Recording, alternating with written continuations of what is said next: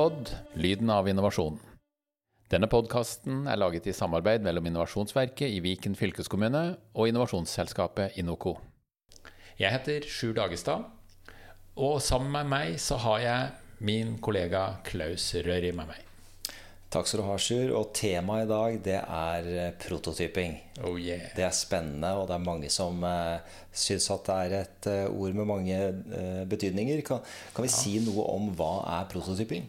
Ja, en prototype er jo som navnet sier den første typen. Altså den første av den nye løsningen. da. Det oversettes også med førsteinntrykk, så det er heller ikke så dumt navn. Så da er jo det løst. Da vet vi hva det er. Og så er det jo hvordan gjør vi dette, da? Eh, for her er det ikke bare rett frem eh, å gjøre sånn som vi har gjort eh, før. Her er det noen triks som vi må lære oss. Ja, altså Når vi driver med prototyper, så gjør vi det jo for å lære. Og vi gjør det også for at kunden skal forstå hva vi driver med. Så det kan være begge veier. Vi kan trenge det både i salg og vi kan trenge det i utvikling.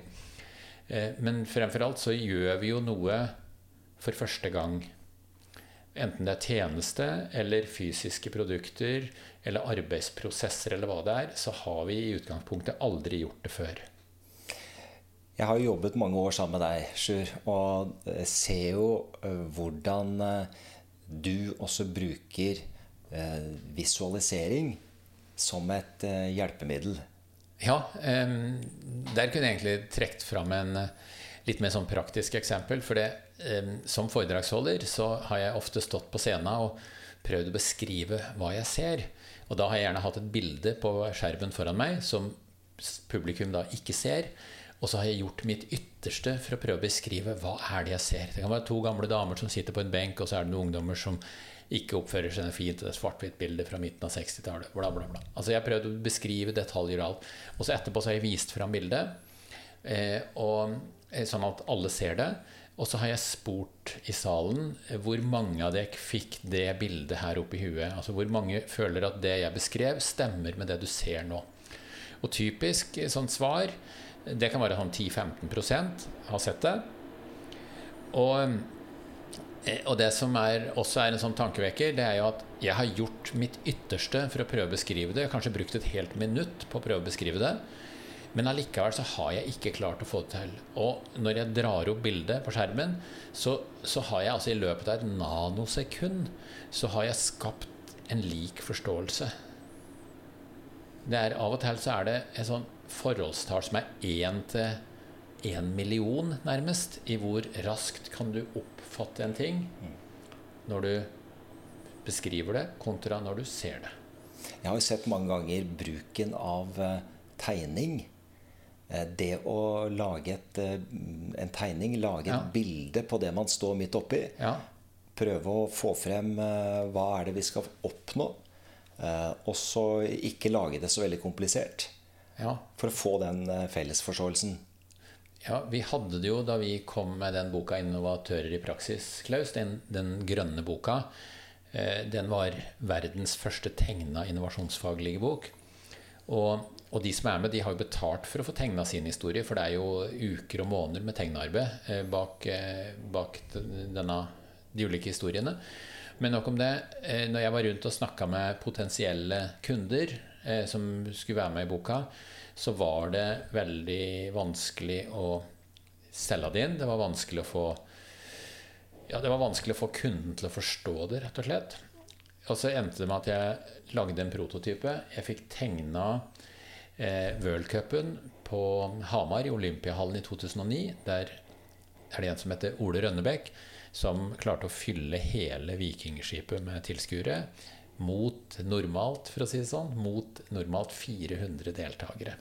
Han tok over billettsalget. Han gjorde en fantastisk jobb. Eh, og, og, jeg lagde en prototype på det. Jeg fikk altså en tegner til å tegne det. Andreas Iversen eh, var den som lagde prototypen. Og da åpna verden seg. Det var omtrent som å gå fra mørke til lys. Og da kunne kunden si 'Å ja, er det sånn der? Ja, dette er kult'. Ja, vi kan jo ta våre historier. Og det førte jo bl.a. til at det var vi som fikk jobben med å tegne oppstarten av Finn. Så vi fikk jobben med å lage morhistoria til Finn. Det var ikke noe reklamebyrå. eller sånt. Det var in innovasjonsselskapet Innoco som fikk det. Men jeg hadde aldri klart det uten en prototype. Kan vi si at uh, prototyping det handler om å begeistre kunder? Ja. Det, og, og, og begeistring går gjerne gjennom forståelse, mestring og læring. Sånn at når de har forstått hva det er, de har mestra det på den måten at eh, ja, de, de, de, føler at dette her er noe som vi også kunne ha brukt, så, så kommer begeistringa eh, etter det. Hos noen kunder, men ikke hos alle.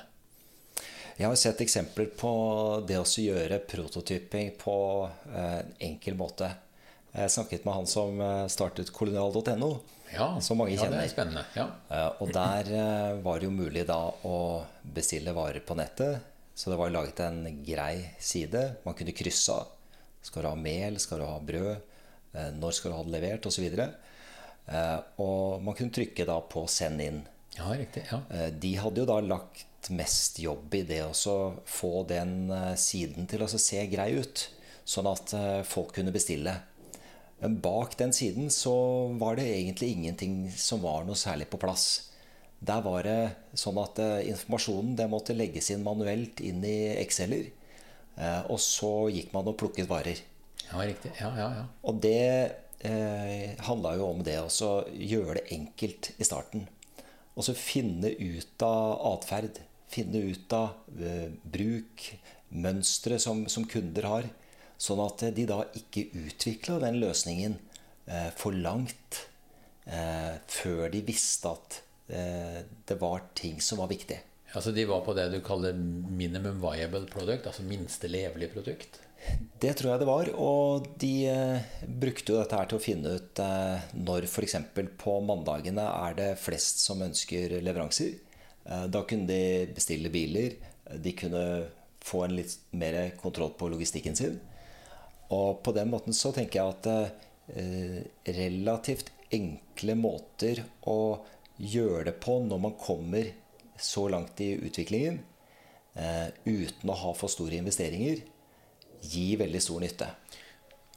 Vil, vil, du si at en prototyp er en avspeiling av det nivået du er på, sånn at løsningen i prototypen er på det utviklingsnivået som man er på til enhver tid, eller? Ja, jeg tenker også sånn at uh, prototype, det er veldig ærlig. Det er uh, å vise kunder at du har kommet akkurat så langt. Eh, og du gjør ikke mer enn det du trenger å gjøre for ja. å innfri de behovene som de kundene har akkurat der og da. Og jeg tror at eh, mange av de som i hvert fall er nysgjerrige på folk som ønsker å bruke nye løsninger, nye tjenester, vil jo da akseptere at ikke alt er helt perfekt. Og kanskje også til og med være blant de som hjelper til med at løsningen blir enda bedre. Ja, riktig, ja. Så man får hjelp av kundene, da, Sjur. Ja, for det, den historien du fortalte med, med, Kolonial eh, Det er egentlig to ting som slo meg der. De begynner helt fra starten av å bygge god kundeopplevelse. Og så eh, jobber de iherdig med å få egen læring og finne ut hvordan skal strukturen og systemene i vårt selskap se ut. Og det må vi gjøre manuelt i starten. Er det, riktig, er det en riktig observasjon? Ja, for jeg tror at uh, Hvis vi spoler det tilbake til uh, hva vi ønsker å gjøre, det er jo også å ta ned risiko. Uh, vi ønsker å bruke minst mulig penger i starten av en utvikling. Og vi ønsker å gradvis bygge opp en god kundeopplevelse. Ja, ja. Og det er jo det å ha de si, tre rattene å styre etter. Og, og, øke litt på og øke litt på. og ha en tilnærming til dette som, som, gjør at vi kan håndtere det. Uh, og kanskje det også er litt viktig, at ikke man skal love for mye for tidlig. Fordi det verste for uh, kunder, i hvert fall for meg selv, det er jo når jeg blir skuffa. Ja, det er vel der, der, der, er nok ikke du unik, Klaus. Jeg tror, jeg tror det går igjen for alle. Men, men, et annet spørsmål som, eh, som sikkert noen av lytterne stiller seg, og det er ja, hvordan gjør jeg det, da? Hvordan bygger jeg prototyper? Har du noen tanker om det, Klaus? Jeg tenker at uh, dette er egentlig veldig åpent uh, hvor man ønsker å starte, og hva man ønsker å begynne med. For noen så vil det være bra å kunne ta tanker som man har i hodet, som er kanskje ikke så helt sortert på plass ennå. Og prøve å få det ned på en tegning, en illustrasjon. Vi kjenner jo til at det er mange som kan bruke denne kundereisen som et verktøy. Eh, hvor man prøver å, å, eh, få ned på papiret hvor er vi nå i forhold til de behovene som vi skal ta tak i. Mm. Eh, og da får man også et litt større perspektiv. Så man ser da hva er mulighetene utover der hvor vi har kommet i dag. Og så tenker jeg at det kan jo være et skille her mellom produkter og tjenester. Ja. Eh, der hvor du har produkter som, skal, som er veldig sånn Du kan ta i det og løfte på det og, og, og, vise det. Så er jo det greit. Da gjør man det. Der hvor det er en tjeneste, så har vi jo hjelpemidler i dag som er eh, fint. For vi kan bruke, eh, vi kan bruke de digitale eh, kanalene. Eh, og vi kan demonstrere det vi eh, ønsker å lage, direkte til kunder. Vi hadde eh, For noen år siden så, så jobba jeg hos Norges største ventilasjonsprodusent. Eh, den het Aura-gruppen på den tida. Nå er den splitta opp igjen, eh, osv. Men vi eh, hadde en utfordring på, på eh, en av fabrikkene våre som da het Aura Nord. Og det var at det var fryktelig mye prat, men det var lite handling. Og eh, og vi, vi ønska å gjøre noe med det. Så alle sa tenk om vi kunne ha gjort sånn og sånn. Satt inn det, det og der. Og da, da, kunne vi fått til den muligheten. Vi kunne økt salg, og vi kunne fått mer fornøyde kunder. Og tenk om man hadde gjort sånn og sånn. Men ingen gjorde noe med det. Alle bare drev og drømte. Og da lagde vi et system som vi kalte 252-systemet. Og vi skrev om det i årsrapporten og osv. Og, og det var rett og slett at vi budsjetterte med ideer og prototyper. Så 252 det sto for 200 ideer, 50 prototyper og to produkter. Så hvert år så skulle vi ha 200 brukbare nye ideer på ting vi kunne levere til kunder. Hver fjerde av det skulle bygges ut i en eller annen form for prototype. Eh, og det kunne for være bare en trekloss som vi malte og satte logo på, og som folk kunne ta i. Og så kunne, og så kunne vi si at når du kobler den innpå der og trykker på den knappen der, så skjer det og det, og da får man den og den eh, saken. Og bare det eh, skapte altså entusiasme og glød og interesse og både hos kunder og ansatte. Og det siste tallet, altså to, det var to produkter. Så 200 ideer skulle traktes ned til 50 prototyper, som skulle føre til to helt nye produkter hvert år. Det var 252, eller 252-systemet. Det er fascinerende. Det, altså, prototyping kommer jo fra næringslivet. Og innovasjon det er jo noe som eh, alle eh, snakker om og har behov for. Ikke bare i næringslivet. Eh, offentlig sektor. Forhold til å skape mer innbyggerinvolvering. Ja, lage ja. bedre tjenester. Eh, tenker at eh, prototyping er like viktig i eh, det offentlige. Helt klart. Helt, helt klart. Og det offentlige er jo en ganske stor tjenesteleverandør. Og, og, vi må huske på at når vi bygger fysiske prototyper, så er det mange som tror at det er mye lettere å bygge enn tjenester. Og det er klart, det er en del der ute som er flinke både til å dreie og skjære og sveise og gjøre alle sånne ting. Og det er superlett å få det til hvis du behersker de tinga. Altså, det man behersker, er lett å få til. Mens på tjenestesida så er det faktisk enda lettere. Fordi en tjeneste blir produsert og konsumert i samme øyeblikk. Altså En flytur skjer når den skjer. Du kan ikke lage den, lage den og putte den på lager. Det er det som skiller produkter fra tjenester. Et produkt kan du lagerføre. Eh, og når det blir streik, så kan ledelsen jobbe mens de ansatte streiker, og ta ut varen og levere den. Eh, du kan levere ut kaffebønner for å si det sånn, til dine kunder, selv om det er streik i firmaet. Men du kan ikke ta flyreiser ut av lageret og levere ut flyreiser hvis pilotene streiker.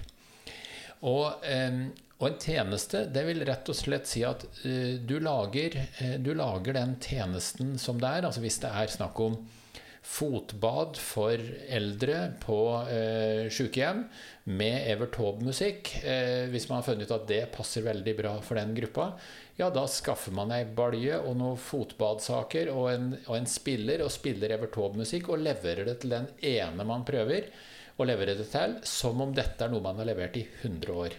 Og så, lite, en, så tar man opp telefonen, og så filmer man det litt. Så lager man noe rundt det for å vise til sine kollegaer osv. Og, og så lærer man av det. Så da gjennomfører man et fotbad for pensjonist med Evert Taube-musikk. Og vi er vant til å ta stilling til tjenester der og da. Sånn at vi går inn i testsituasjonen og er vant til å gi tilbakemelding med en gang. Fordi sånn skjer det med mye tjenester. Vi kommer hjem at du er sur på eh, bilforhandleren osv. lenge etterpå fordi vi var fornærma osv. Men vi klarer veldig fint å gi tilbakemelding der og da. Så tjenester er bare superenkelt å, å um, teste ut.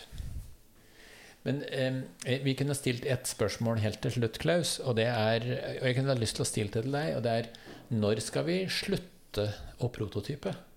Ja, Det er interessant, og det tror jeg vi kan være enige om. Eh, prototyping det er noe vi aldri slutter med.